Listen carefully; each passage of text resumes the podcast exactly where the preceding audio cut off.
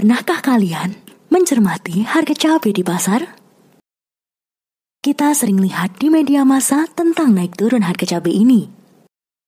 Di saat tertentu, harga cabai bisa tembus sampai Rp60.000 hingga Rp85.000 per kilogram. Bahkan di saat ekstrim, bisa mencapai harga Rp100.000 hingga Rp120.000 per kilogram. Yang mana harga itu tidak masuk akal. Sebaliknya, dalam situasi tertentu, harga cabai bisa anjlok sampai angka Rp3.750 hingga Rp4.000 per kilogram. Padahal, harga normal cabai berkisar antara Rp14.000 hingga Rp30.000 per kilogram. Petani banyak mengalami kerugian di saat harga hancur seperti itu. Kenapa fenomena itu bisa terjadi? Umumnya, cabai digunakan sebagai bumbu tambahan makanan orang Indonesia. Makanan khas Indonesia akan hambar tanpa kehadiran rasa pedas dari cabai. Cabai biasanya dipakai bumbu langsung pada sayur dan lauk atau disajikan terpisah dalam bentuk sambal.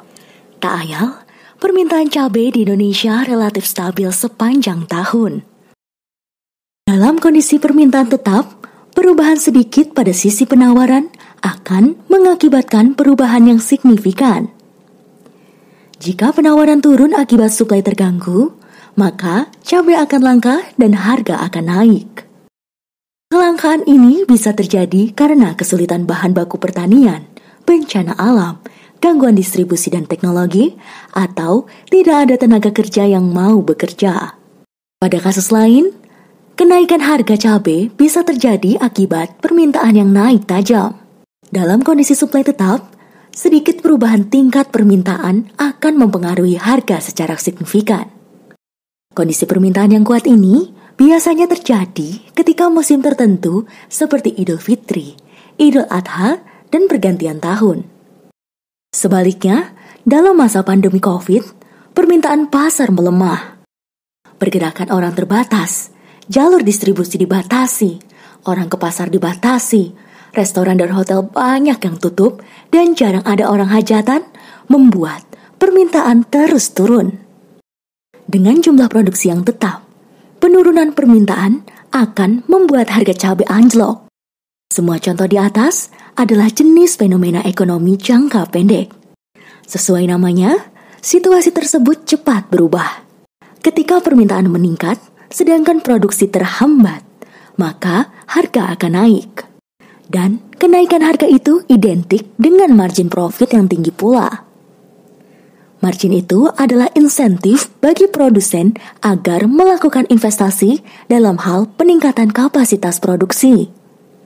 Ketika semakin banyak produsen hadir dan meningkatkan output produksi, maka tingkat penawaran dan permintaan akan mencapai titik setimbangnya lagi harga pun normal kembali. Begitu pula ketika harga anjlok pada saat surplus produksi tidak diimbangi dengan permintaan yang kuat. Penurunan harga itu identik dengan kerugian produsen.